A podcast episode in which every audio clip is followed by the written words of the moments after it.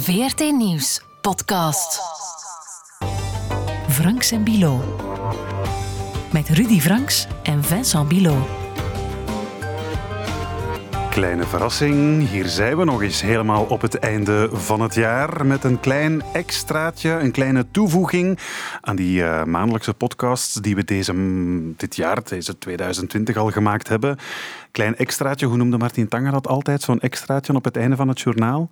Een wegwerpertje? Een Nee. uitgooitje? Een toemaatje. Ah, zo mooi. Een woord Ja. dat ik ga missen. Dat heeft volgens mij Martin Tanger persoonlijk uitgevonden. Ons toemaatje op het einde van het jaar, beste Rudy, is een eh, interview dat jij hebt gehad dit jaar, dit rare jaar, met een hele grote meneer.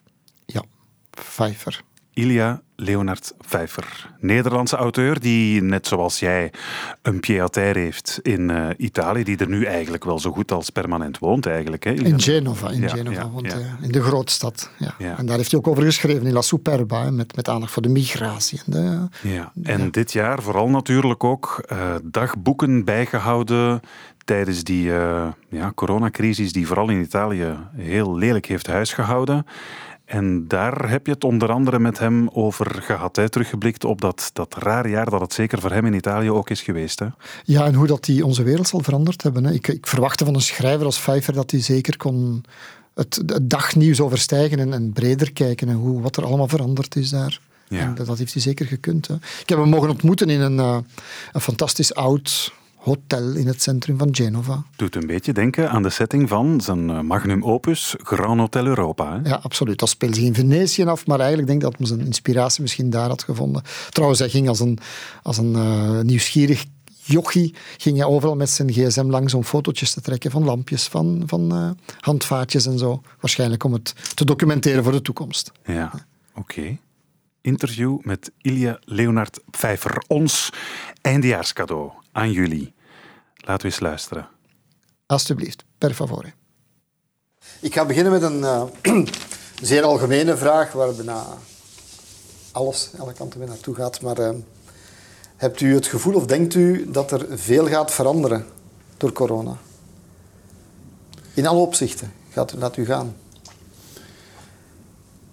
Eh, ik zou het bijna hopen dat er veel gaat veranderen door corona. Eh, ik denk dat, eh, dat een van de minst verstandige dingen die we kunnen doen... is eh, zo snel mogelijk weer terug naar de wereld van, van februari. Je zou toch hopen dat we ook wat lessen leren uit deze coronacrisis.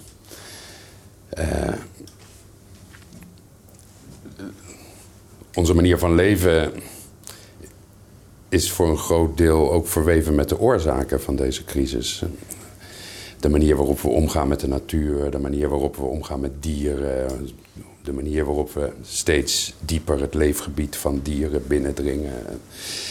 Eh, dat zou toch ons aan het denken moeten zetten, eh, deze crisis. En misschien om te voorkomen dat we nogmaals worden getroffen door een eh, pandemie, zouden we misschien iets moeten doen aan onze manier van leven.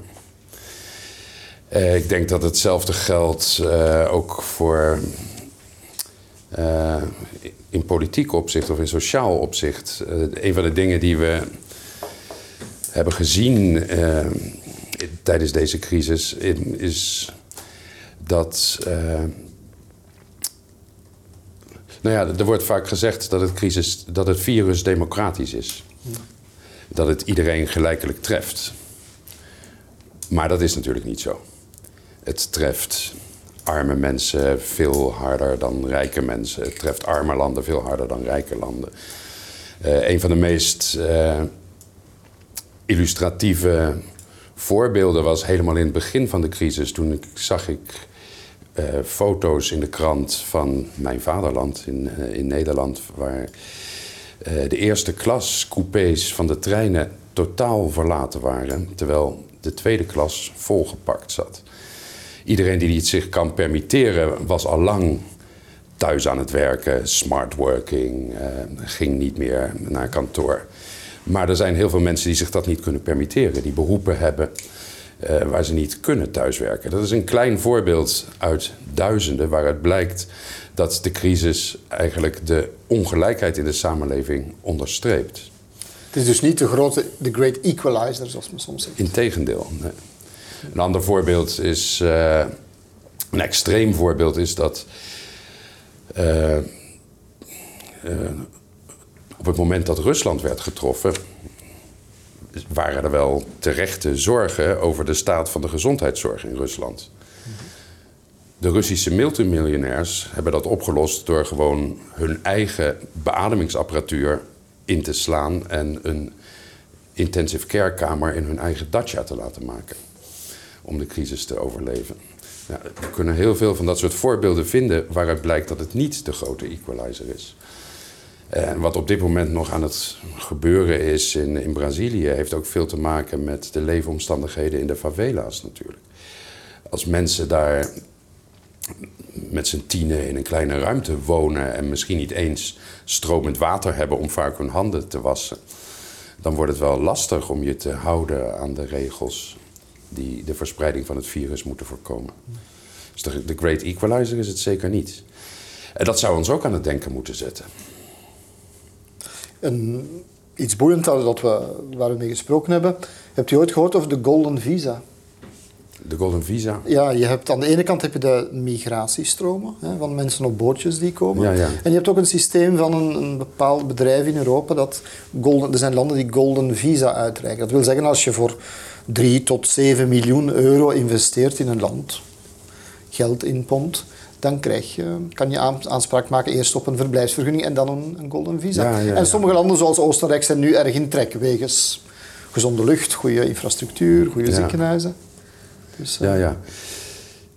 Ja, dat is wat Malta altijd doet. Uh, Cyprus volgens mij ook. Ja, juist, ja, ja, inderdaad. Dat is een merkwaardig Je kunt je, je, je Maltese staatsburgerschap kopen. Ja, ja. ja. nee, dat, er zijn allerlei voordelen. Het zijn sowieso natuurlijk al voordelen die de rijken altijd al hadden. Maar in deze crisis is dat, uh, nog, nog prangender. Ja. De migratie, bijvoorbeeld Italië heeft heel veel... Um, te maken gehad met migratiestromen. Is dat nu voorbij? Nee, natuurlijk is dat niet voorbij. Uh, die bootjes komen nog steeds. Uh, het is alleen een beetje voorbij in de, in de media en in de publieke opinie. Uh, het is even niet meer zo'n thema. En dat is wel op zich een soort van opluchting hoor. Mensen maken zich er nu opeens helemaal niet zoveel zorgen meer over. Over die migranten. En het zijn er natuurlijk nou ook helemaal niet zoveel. Het zijn er nooit zoveel geweest dat een land als Italië dat niet aan kan. Dat, dat werd allemaal aangezwengeld door de media en door eh, politici die baat hebben bij, eh, bij de angst voor migratie. Nu dat geen thema meer is, wordt dat eigenlijk allemaal vrij soepel opgevangen. Loopt die ballon dan ook leeg van het populisme daardoor? Ja, dit was geen fijne tijd voor populisten de tijd van, uh, van corona, de tijd van de quarantaine. Om verschillende redenen. Uh, het is natuurlijk niet prettig voor een populist om, uh, om in een tijd te leven waarin er opeens heel veel behoefte is aan deskundigheid. Het is ook niet prettig voor een populist om te leven in een tijd waarin iedereen snapt dat het belangrijk is om internationaal samen te werken. En ik denk dat, uh, dat de regeringen in Europa uh, in grote lijnen het erg verstandig hebben aangepakt, deze crisis. Met alle kritiek die je op allerlei details zou kunnen hebben. In Italië uh, heb ik wel bewondering voor de manier waarop de regering van Conte de crisis in bedwang heeft gehouden. Ja, dan is het ook lastig oppositie voeren. Hè? Dus dat was, ook daarom was het voor Salvini niet echt een prettige tijd. Denkt u dat de gouden dagen van populisme voorbij zijn? Of, of, zouden ze nu terugkomen, nu iedereen het weer heeft over de exit en de economie wordt belangrijk? Nou, ze zijn natuurlijk nog niet weg. Nee. Uh,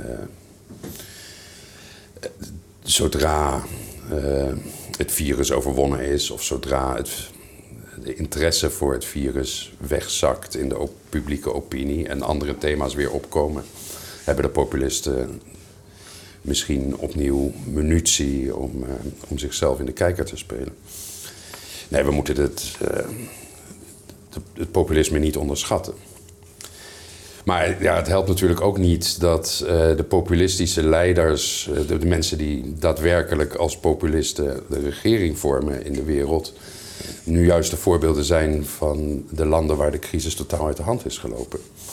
Zoals de Verenigde Staten, Brazilië en Engeland. Dus, maar dat wil natuurlijk niet zeggen dat het, dat het gedaan is met het populisme. Zodra we dat allemaal weer vergeten zijn en er komen nieuwe thema's, dan, uh, dan komen ze wel weer terug. Wat op die, die as een beetje de, daar zich situeert, is natuurlijk de, de keuze tussen economie of gezondheid. Dat is natuurlijk een schijnkeuze. Dat is geen keuze. Ik denk dat, het, eh, dat economen het met mij eens zouden zijn dat een van de gouden regels van de economie is dat je toch in ieder geval je consumenten in leven moet houden en ook je werknemers in leven moet houden. Als heel veel mensen doodgaan aan een virus, is dat een nog veel zwaardere klap voor de economie dan de economie op pauze zetten in een poging om dat virus te stoppen. De mensen zijn nu, dat zit, zit in dezelfde lijn natuurlijk, maar de mensen zijn geschokt geweest. Februari plots stopte de wereld met draaien. Dat is ongezien. Deze generatie heeft dat nooit meegemaakt, geen grote oorlogen. En nu wil men eigenlijk zo snel mogelijk terug naar zoals het was, naar vroeger. Dat is des mensen. Ja, dat is begrijpelijk. Uh, maar ik weet niet of het echt verstandig is. Uh, het is begrijpelijk natuurlijk dat je. Uh, nou, mensen zien dat zo dat ze offers hebben gebracht. het is ook zo. Ze hebben ook voor mensen die verder niet ziek zijn geworden of geen uh, sterfgevallen te betreuren hebben gehad onder hun naasten, die hebben toch offers gebracht. Ze hebben een deel van hun burgerlijke vrijheden ingeleverd. Ze hebben een, misschien ook economische schade geleden. Uh, jongeren hebben misschien relatief meer offers gebracht dan ouderen. En, het idee van een offer is dat je dan daarna de beloning krijgt. En dat moet dus nu komen. En die beloning is dat we weer feest kunnen vieren zoals eh, in februari. Maar ik denk dat het dom zou zijn om helemaal niks te leren van deze crisis. Mensen hebben tijd gehad om erover na te denken nu? Drie maanden lang? Ja. Wat me wel zorgen baart, uh, ik weet niet hoe dat in België is, maar uh, in Nederland is op dit moment uh, het debat enorm aan het polariseren over het virus. Er zijn steeds meer, steeds fellere tegenstanders van beschermende maatregelen, van voorzichtigheid. En aan de andere kant steeds fellere voorstanders daarvan. Uh, dat is een beetje de ziekte van Nederland op dit moment, dat elk willekeurig debat enorm aan het polariseren is. Maar ja, dit wordt bijna ook weer een, een identiteitskwestie. Hè? Net zoals het Zwarte Piet-debat in Nederland is ook het virusdebat aan het ontaarden tussen mensen die stoer, zonder mondkapje het virus eigenlijk weglachen als een soort van niet bestaand. Uh, misschien ook door allerlei vreemde complotten waar Bill Gates uh, bij betrokken is in de wereld gebracht. Mm. Middel om anderen aan de macht te brengen. En, uh, dat maakt me wel zorgen. Dan hebben we er echt weer helemaal niks van geleerd. Je zou nogthans denken, zoals u zei, dat deskundigheid nu opnieuw eindelijk belangrijk geworden is. Ja. Wat wel jammer is, is. Uh, nou, dat is niet jammer, maar. Uh, wat we hebben gezien tijdens de coronacrisis is hoe wetenschap werkt. En wetenschap heeft geen 100% sluitende antwoorden op elke willekeurige vraag. Wetenschap is ook een proces van voortschrijdend inzicht. Uh, dat hebben we ook aan de lijve ondervonden. Specialisten werden geconfronteerd met een nieuw virus. En hebben zich ook op bepaalde onderdelen vergist in het begin, hebben hun meningen moeten bijstellen op grond van wetenschappelijk onderzoek en resultaten. Uh, dat is hoe wetenschap werkt. Het probleem is een beetje dat niet iedereen dat begrijpt. En dat bij een deel van de bevolking het idee kan ontstaan dat die wetenschappers het ook niet weten. Maar daar is verder niks aan te doen. Het enige wat je daaraan kunt doen is om te blijven uitleggen dat er sprake is van voortschrijdend inzicht. In België heb je een, een, een grote spankracht gehad, of een debat dat zich de laatste maanden aan het ontwikkelen is tussen de wetenschappers en de politici aan de andere kant. Eigenlijk twee, drie maanden lang hebben de wetenschappers het overgenomen. Ze ja. het komen uitleggen op televisie elke dag. En de politiek was totaal afwezig. Wist niet wat doen, wist, uh, ja, legde de, de bal in hun kamp. Nu willen ze dat terug naar zich toe trekken. En je ziet dat daar een heel een grote spanning op staat nu. Is dat een, een blijkbaar logisch fenomeen natuurlijk, want politiek wil absolute antwoorden geven. Wetenschap doet dat niet. Ja, in Nederland heb je datzelfde gezien, ook wel tijdens de crisis, uh, waar uh, het, de, Nederlandse regering liet zich adviseren door het RIVM, uh, eh, het Gezondheidsinstituut in Nederland. Mm. en nam eigenlijk die adviezen zonder slag of stoot over. toen op een gegeven moment was de vraag of de scholen gesloten moesten worden. Volgens de adviezen van de specialisten zou dat niet nodig zijn en zou het zelfs averechts kunnen werken. Maar onder druk van de, opinie, of van de publieke opinie heeft de politiek toen toch besloten om tegen dat advies in te gaan. En er waren nog een aantal van dat soort momenten waarop de politici tegenover de wetenschappers stonden. Uh, maar ik heb niet de indruk dat op dit moment zo'n spanningsveld is, uh, zoals, uh, zoals je vertelt over België. Want je ziet ook ditzelfde fenomeen bijvoorbeeld in Amerika. Dat je hebt de mensen, de politiek wil de economie en de mensen die, de 99% die eigenlijk hun leven naar de verdoemenis gaat omdat, het, omdat uh, de lockdown er is. Terwijl om die 1% te redden. Je hebt, je hebt dus de wetenschappers die willen strenge maatregelen en de politiek die, die wil de economie laten gaan. Ja, nou, je hebt ook de dat is volgens mij de, de gouverneur van Texas, eh, die met zoveel woorden heeft gezegd dat uh, de economie belangrijker is dan mensenlevens. Is dat zo? Als ik me niet vergis, was hij dat hij dat zei. Maar klopt dat dan? Is dat zo? Dat lijkt me een dom standpunt, maar ja, het is een helder standpunt.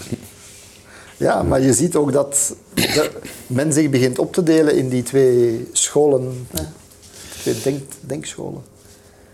Maar dat is, dat komt allemaal uit de tegenstelling tussen gezondheid en economie. En dat is een schijntegenstelling. Je kunt geen gezonde economie hebben als je consumenten en werknemers aan het sterven zijn. Dus je moet daar toch iets, uh, iets op verzinnen. Ja. Is het zo dat de politiek eigenlijk nu voor een, of toch in Europa, voor een uh, grote levenstest staat. Over het, de relevantie van politiek en van onze politici. Hoe ze met deze crisis omgaan. Ja. Nou ja, ik denk dat tijdens de pandemie, toen die in alle hevigheid woedde hier in Europa, hebben politici al kunnen laten zien dat ze ertoe doen. Ze waren nodig. Er moesten verregaande maatregelen worden getroffen. En iemand moest dat doen. En de politici hebben zich van die taak gekweten. Dat is op zich best wel goed om daar af en toe aan herinnerd te worden dat de politiek wel degelijk iets uitmaakt. En dat je de politiek nodig hebt. Eh, Zo'n extreme situatie eh, heeft ons daar goed aan herinnerd. Nu uh, staat Europa natuurlijk voor de uitdaging om de economische schade van de lockdowns te beperken. Uh, ik ben heel blij dat het uh, Europa, ondanks alle tegenwerking van mijn vaderland, uh, gelukt is om een akkoord te bereiken, om een gezamenlijk antwoord te geven op de, op de economische gevolgen van die lockdowns. Om een ambitieus steunpakket voor elkaar te boksen. Dat is natuurlijk heel erg nodig. En dat is niet alleen nodig voor de economie, maar dat is ook nodig voor het imago van Europa, het imago van de politiek. Uh, als het in, op dit historisch ogenblik niet was gelukt om een gemeenschappelijk Europees antwoord te formuleren, zou dat ook het einde van Europa betekenen. Want dan, ja, wat hebben we er dan nog aan, weet je wel? Nog los van het feit dat dan de noordelijke en de zuidelijke economieën zo ver uit elkaar zouden groeien. Dat Europa eigenlijk nauwelijks nog bestaansrecht heeft. Maar gelukkig zijn de politici zich bewust geweest van die taak, van die historische taak. En eh, hebben ze een akkoord weten te bereiken. Eh, op lange termijn denk ik dat de politiek voor de uitdaging staat om, eh, om ook in die zin lessen te leren uit deze crisis. Dat de manier van leven op zo'n manier veranderd wordt dat een volgende pandemie minder waarschijnlijk wordt. Maar dat is natuurlijk lastiger. Waarom? Uh, nou ja, er zijn ook mensen die zeggen dat, uh, dat deze quarantaine, deze lockdown, deze reactie op het virus eigenlijk onze generale repetitie was. En de echte voorstelling moet nu beginnen. En de echte voorstelling is uh, het redden van onze planeet.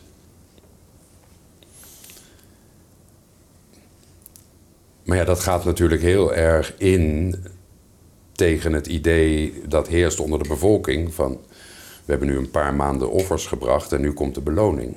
Hm.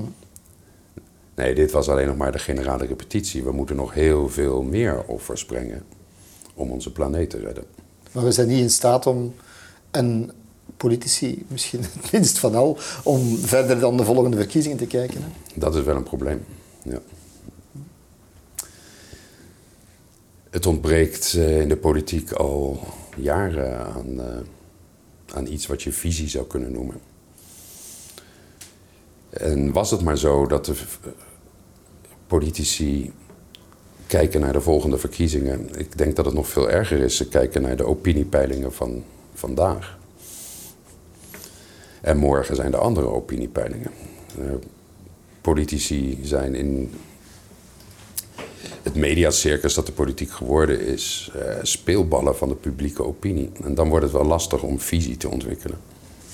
Ja, en dan krijg je een fenomeen als populisme natuurlijk. Ja, ja. Dat lijkt me de essentie. Ontbreekt er, wat sommigen mij vertellen, is er een gebrek aan leiderschap? Ja, ik weet niet of we nou echt leiderschap nodig hebben. Wat we nodig hebben is visie. Leiderschap hebben we wel gezien. Ik vond eh, premier Conte van Italië een goede leider in deze crisis. Hij heeft nou, hij heeft ook wel wat fouten gemaakt, zoals iedereen, maar in grote lijnen heeft hij gedaan wat nodig was. Leiderschap getoond. Maar dat wil niet zeggen dat hij een man is met visie, die ook uh, een beleid zou kunnen uitstippelen voor de toekomst. Om in de toekomst dit soort uitbraken te voorkomen. En om in de toekomst een gezondere planeet voor de mensheid te garanderen. Dat is natuurlijk iets anders. Hebben we dat in Europa? Het is lastig. Het is lastig ook omdat uh, politici in, in, in, dit mediaklimaat, een uh, klimaat waarin er eigenlijk zo goed als dagelijks verkiezingen zijn. Of uh, dagelijks een soort van ostracisme via sociale media. Dat is niet een klimaat waarin visie wordt beloond. Uh, je zou dan. Je hebt in het huidige politieke klimaat eigenlijk andere vaardigheden nodig. Dan een verstandige visie ontwikkelen voor de toekomst. Was dit, zoals u zegt, dan een, uh, een soort voor, voor, een heel, voor Europa als idee, voor de Europese politieke klasse? Een existentieel moment? Ja. Nou ja, het is het nog steeds. Ja, dit, dit is een existentieel moment. Uh, Europa moet nu laten zien wat het waard is. En dat komt niet alleen door de, door de crisis vanwege het virus. Uh, dat komt natuurlijk ook door, uh, door andere geopolitieke ontwikkelingen. Uh, zoals de instorting van de Verenigde Staten, die natuurlijk wel weer veel met het virus te maken heeft en de respons van Trump erop. Tegelijkertijd de opkomst van China. als Europa niet formale wil worden tussen een uh, ondergaande en een opkomende wereldmacht, moet Europa toch een, eindelijk een soort van gezamenlijkheid weten te ontwikkelen. En dat gaat moeizaam, maar uh, vooralsnog uh, is de eerste stap gezet met het, met het akkoord over het hulpfonds. Een crisis is een opportuniteit dan? Ja. Ja, zoals veel. Eh, wie, wie zei dat ook alweer? Never waste a good crisis. Een crisis is. Uh, anders heb je er ook niks aan. Anders is een crisis alleen maar vervelend. Als je het ook nog als een, uh, als een opportuniteit ziet, dan, dan heb je er tenminste ook nog wat aan. Een idee die ik ook heb horen, horen vertellen is dat um, dit is een moment van het virus, een pandemie zoals we die kennen, is eigenlijk een, een, eh, een vorm van egoïsme. Selfishness noemden ze dat. Namelijk, we denken eerst aan onze eigen gezondheid, dan onze eigen familie, onze eigen kern, onze eigen stad, onze eigen regio, land. Solidariteit was schijn. Dat is interessant. Ik weet niet of ik het daar helemaal mee eens ben. Wat, wat interessant is, is kijk, wat deze periode historisch heeft gemaakt, is niet zozeer dat het een pandemie was. We hebben in de hele geschiedenis van de mensheid pandemieën gehad. Uh, vele van die pandemieën waren veel ernstiger en dodelijker dan deze. Uh, wat deze pandemie uniek maakte, is dat het voor het eerst is geweest dat we daarop hebben gereageerd met een wereldwijde lockdown. Uh, er was in, uh, in 1969, 70 uh, een pandemie van het Hongkong-virus.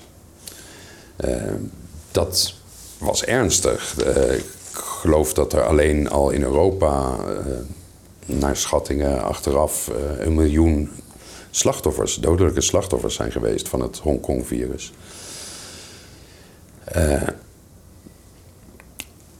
Maar daar is op geen enkele manier op gereageerd met een lockdown. Sterker nog, het haalde de kranten nauwelijks. Er was geen aandacht voor. Er werd schouderophalend op gereageerd. Af en toe, misschien op pagina 8 van de krant, stond er een nieuwsberichtje. En in plaats van een lockdown organiseren, organiseerden ze Woodstock. En dat is natuurlijk wel. Dat zet, je, dat zet je wel aan het denken. Wat is er veranderd tussen 1969, 70 en nu? Waarom hebben we het nu nodig gevonden om te reageren op deze pandemie met een mondiale lockdown? Wat een buitengewoon verregaande maatregel is natuurlijk. Uh, en de vraag is natuurlijk of we daar goed aan hebben gedaan of niet. En dat is een vraag die nog niet zo heel erg eenvoudig te beantwoorden is. Uh, ik ben daar wel trots op dat we dat hebben gedaan. En ik denk dat dat juist ook een teken is geweest van solidariteit. De reden waarom we onze hele economie op de pauzeknop hebben gezet, is om de zwakkeren in onze samenleving te beschermen. De zwakkeren en de ouderen in bescherming te nemen. Uh, en dat is dus voor het eerst in de geschiedenis dat we zoiets hebben gedaan. Dat is wel een soort van daad van beschaving. Dat is wel iets waar we trots op kunnen zijn. Uh, of het ook verstandig is geweest, is natuurlijk een tweede. Want het heeft wel enorme schade berokkend, die lockdown. En niet alleen economisch, op allerlei opzichten. Uh, ook voor de gezondheidszorg heeft het een enorme schade berokkend. Omdat het nou ja, een stuwmeer heeft veroorzaakt van achterstallige behandelingen. Mensen die niet naar het ziekenhuis durfden voor testen, weet ik wel, dat soort dingen. Uh, daar gaan mensen ook dood aan. Dus uh, ja, ik ben er wel van overtuigd dat de schade nog veel groter zou zijn geweest als we niet hadden gereageerd. Maar uiteindelijk denk ik dat het enige juiste antwoord op de vraag of we er goed aan hebben gedaan om te reageren met een lockdown of niet, is dat er eigenlijk geen goede reactie bestond.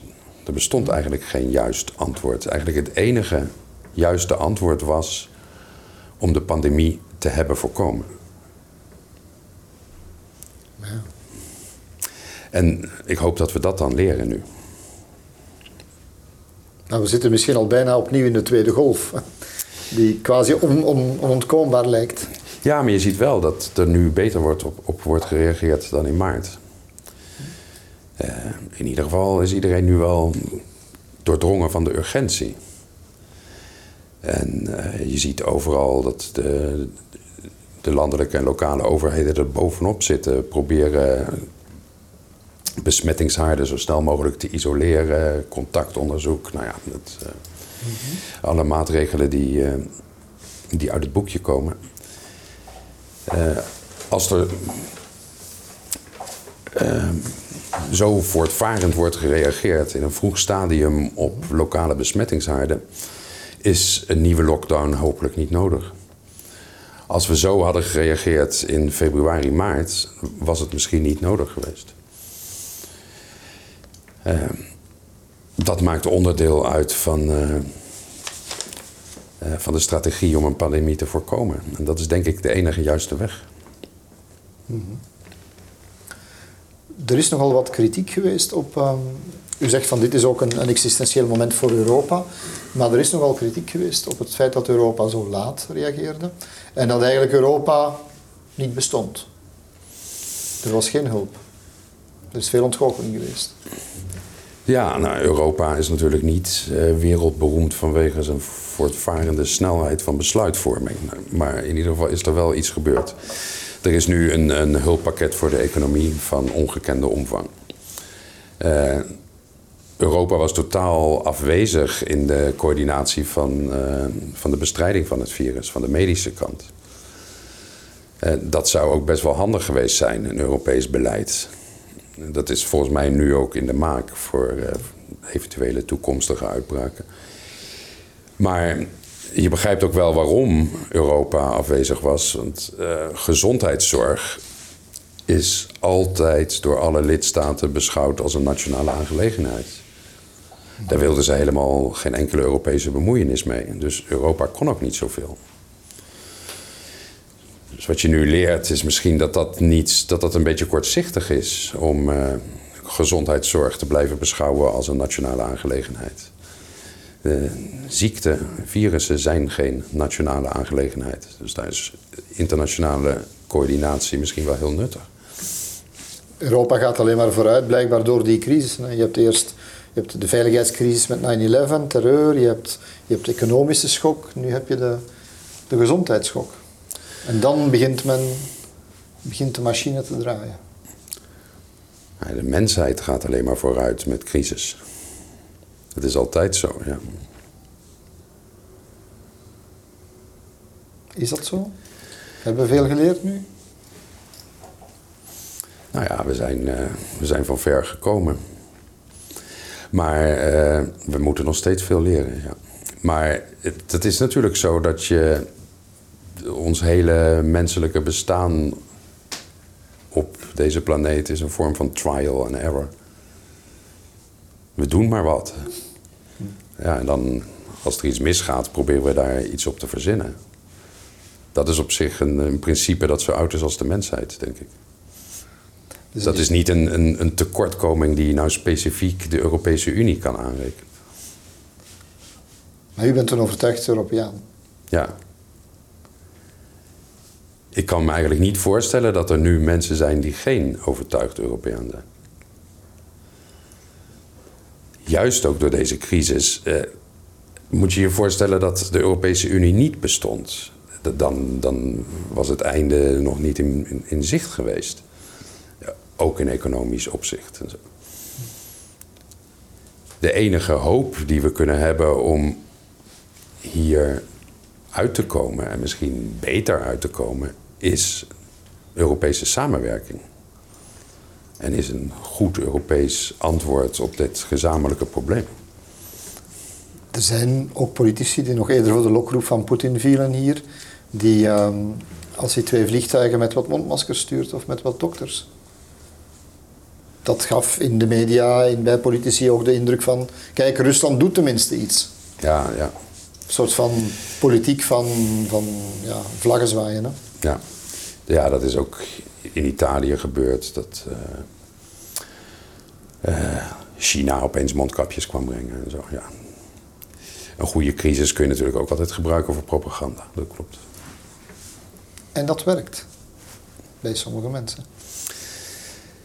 Ja, het werkt, maar uh, het effect is denk ik van korte duur en heel veel mensen prikken er ook doorheen. Nou ja, plus dat het, aan mondkapjes heb je ook iets. Dus het is niet helemaal een loos gebaar. Dus je kunt dat ook in dank aanvaarden. En tegelijkertijd beseffen dat uh, het antwoord op al onze problemen misschien niet uit datzelfde land afkomstig is dat ons die mondkapjes heeft gegeven. Er is nog een, merkwaardig iets gebeurd. Men heeft in Italië bijvoorbeeld uh, de migratie, de illegalen, ge, of hoe noem je dat hier dan, gelegaliseerd. Ja. Omdat men plots besefte dat men ze nodig had. Ja. Ja, dat was een, uh, een leerzame episode, dat klopt. Dat was vooral in het zuiden van het land waar uh, opeens allerlei gewassen niet meer geoogst konden worden. Omdat uh, Italianen uh, sowieso dat werk niet doen en de Oost-Europeanen waren er niet meer. Die waren vanwege alle lockdowns en zo, ofwel in eigen land ofwel. Nou die, die konden dus niet meer werken op de velden. En die gewassen stonden te verpieteren. En als antwoord daarop hebben ze toen besloten om de illegale te legaliseren. En die de gelegenheid te geven om in de velden te werken. Maar in het land dat de havens wil dichthouden voor, voor nieuwe migranten? Het is de helft van het land dat uh, de migranten wil tegenhouden is ongeveer het electoraat van, uh, van Salvini en de rechtse bondgenoot. Uh, de andere helft ziet wel dat. Uh, nou ja, de, de immigranten kunnen ook een deel zijn van de oplossing. Ze hoeven niet per se alleen maar een probleem te zijn. En deze episode tijdens de crisis, waarin bleek dat ze opeens nodig waren, was op dat punt natuurlijk wel leerzaam de narratio die ik de laatste weken hier in Italië weer zie opkomen, is dat de ziekte wordt meegebracht door de migranten. Ja, ja, dat kon je natuurlijk voorspellen. Het is ook zo, ja. Uh, het virus slaat Afrika niet over. En er komen bootvluchtelingen en aan boord van die schepen zijn besmette personen. Uh, Italië doet dat allemaal precies uh, zoals je zou hopen dat die mensen bij aankomst worden getest en uh, in die noodzakelijk in quarantaine worden gezet en dat soort dingen. Dus de Italiaanse bevolking hoeft geen angst te hebben dat er op deze manier besmettingen het land binnenkomen. Maar het is natuurlijk een makkelijk narratief. Dit is uh, voor diegenen die er baat bij hebben om angst te zaaien voor migratie, is dit natuurlijk een, uh, uh, een, een, makkelijk, hoe noem je dat? Gevoend in fressen. Misschien heeft het ook meer te maken met de levensomstandigheden of de, waar de verspreiding van het virus zich kan doorzetten in, in asielcentra of in, in, in grote, grote... Kijk naar wat in Duitsland was met die, de vleesfabriek waar, waar plots, ja, omdat je te veel mensen hebt die bij elkaar maar bon, die stap, die, die gedachtenpiste wordt dan wordt dan niet gevolgd. Maar als je nu eens kijkt naar, naar waar je ook, ook jouw boek over gaat natuurlijk, is dan massa, massatoerisme. Wat, wat met het massatoerisme in Italië? Ik heb hier uh, slachtpartijen gezien en, van, waar het massatoerisme onderuit gehaald werd. Venetië. Maar, is dit nu het einde ervan? Uh, of hoopt u dat misschien? Nou, er was natuurlijk uh, een totale instorting van de toeristische sector hier in Italië. Uh, niet alleen in Italië, maar het kwam vooral in Italië heel hard aan, omdat uh, een groot deel van de economie draait op toerisme. Het is iets van 10 of 12 procent of zo, geloof ik, van het bruto nationaal product. en Venetië was opeens weer prachtig. Totaal verlaten. Er was helemaal niemand. Uh, hetzelfde geldt voor al die andere plekken. En inmiddels is het toerisme natuurlijk niet flink ouderwets weer op gang gekomen. vrij reizen is nu weer mogelijk binnen de grenzen van Europa. Uh, er zijn ook wel wat toeristen, maar natuurlijk veel minder dan in andere jaren. Uh, de Amerikanen kunnen niet komen, de Chinezen willen niet komen. Uh, ja.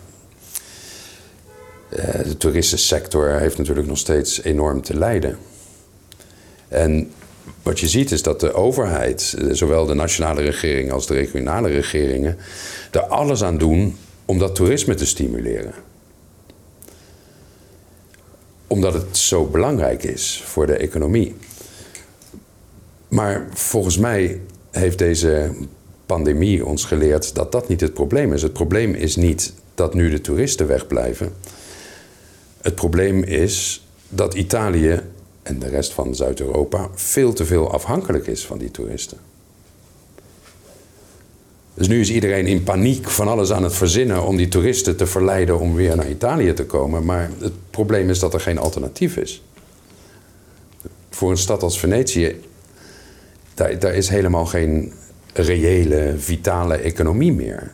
Dat is een stad die zich volledig wanhopig, hopeloos heeft uitgeleverd aan het toerisme. Daar wordt al decennia lang niks meer geproduceerd. Of, er is geen diensteconomie of zo.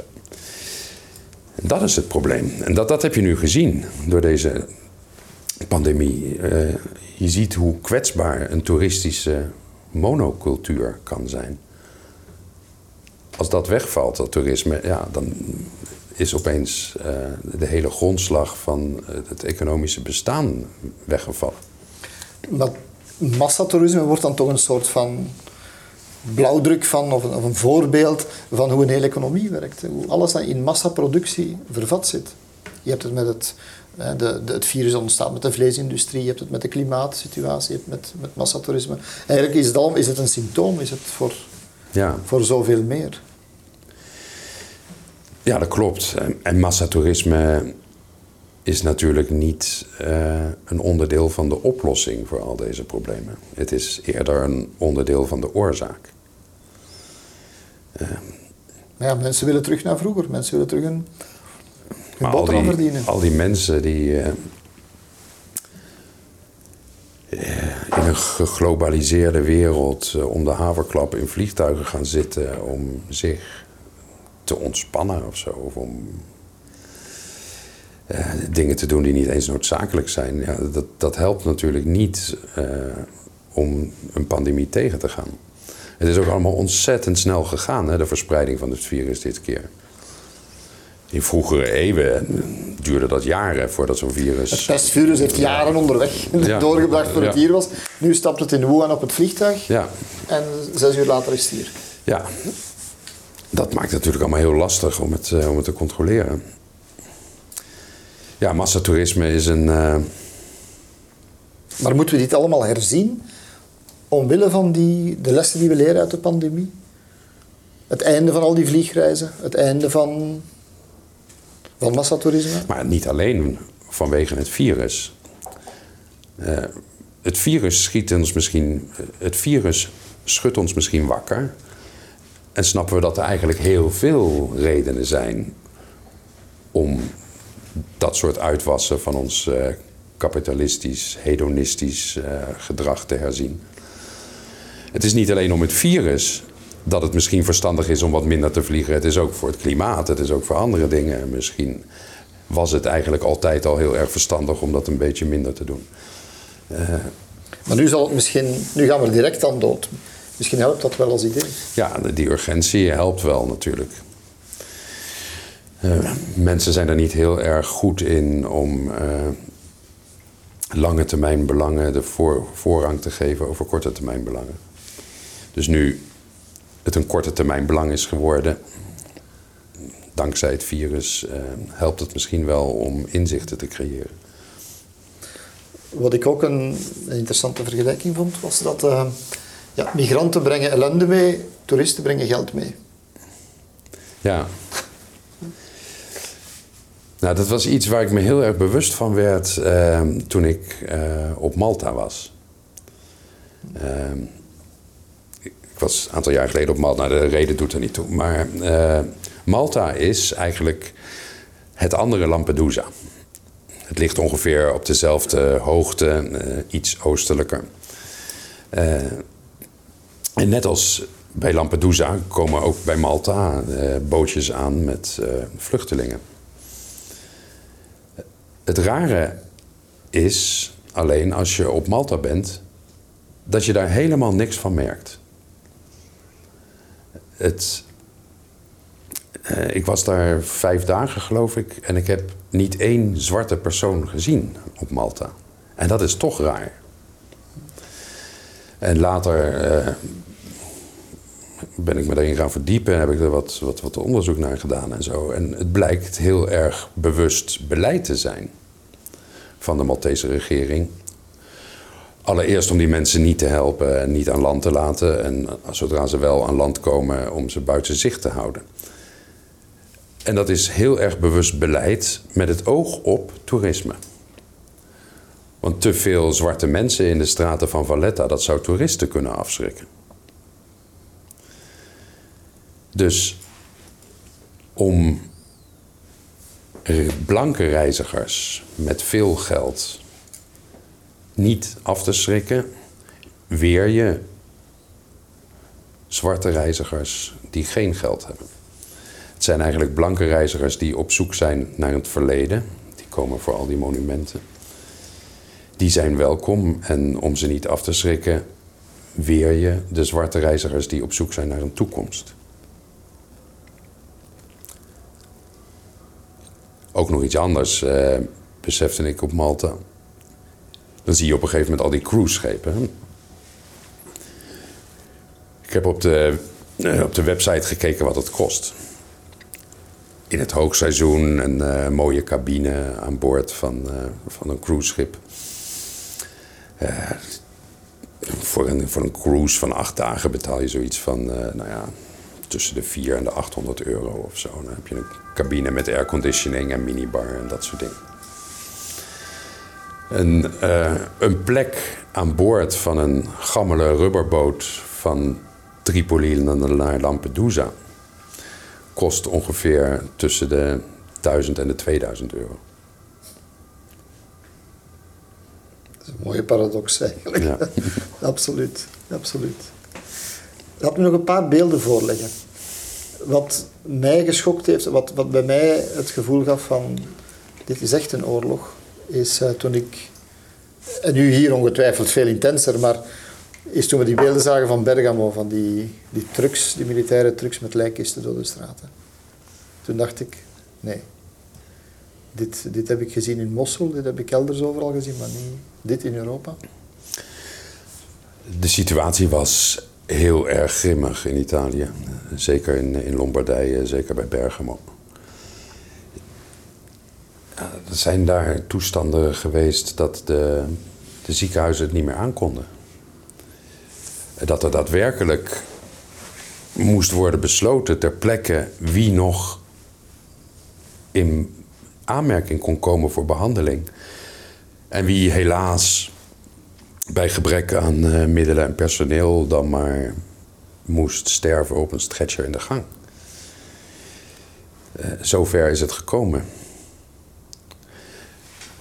En het schokkende daarbij is dat de gezondheidszorg van Italië en zeker de regio Lombardije behoort tot de absolute wereldtop.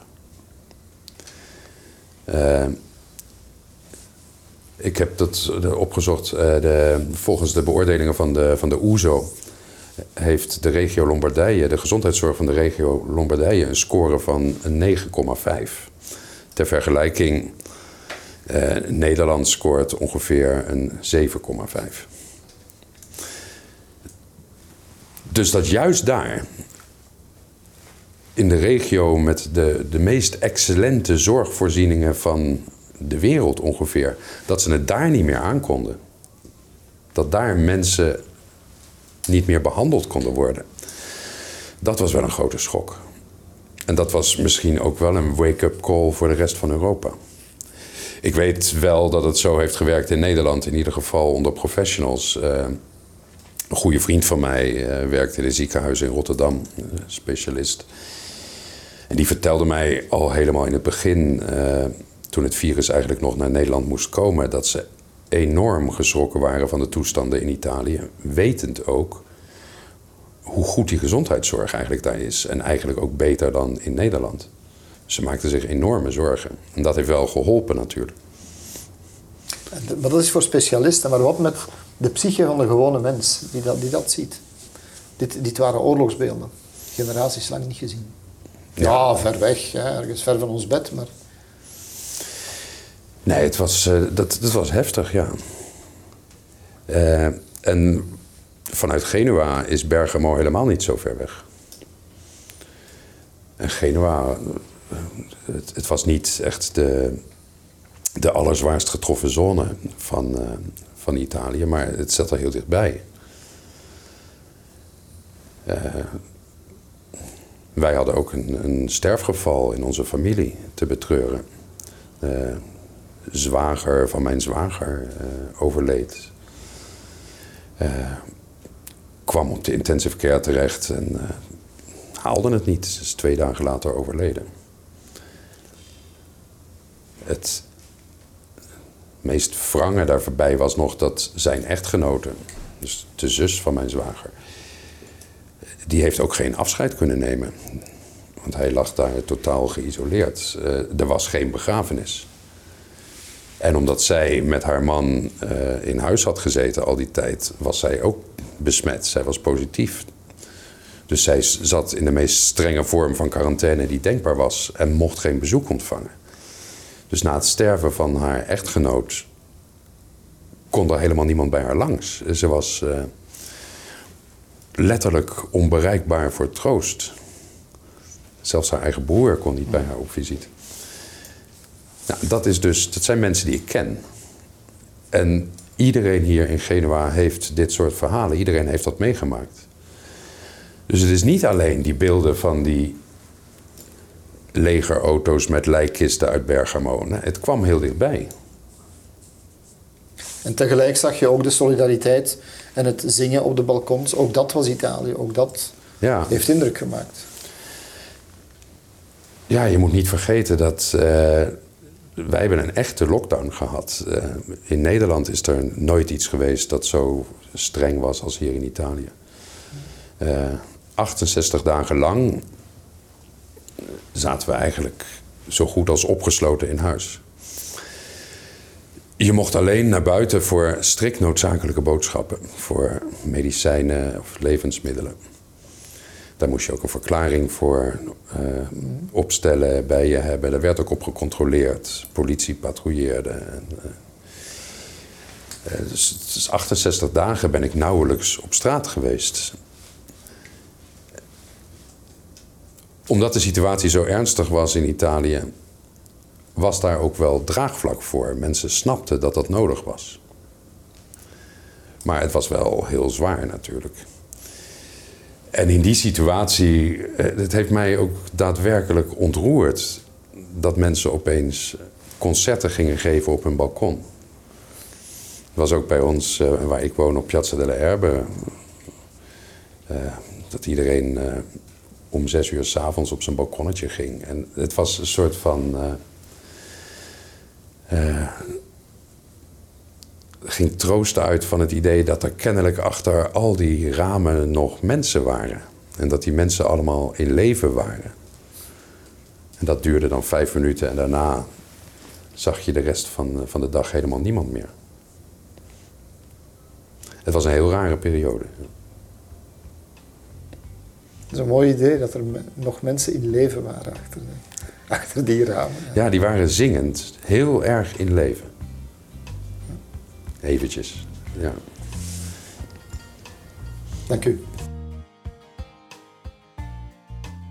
Dit was een podcast van VRT Nieuws. Je vindt er meer op de podcastpagina van vrtnieuws.be of via de podcast-app op je smartphone.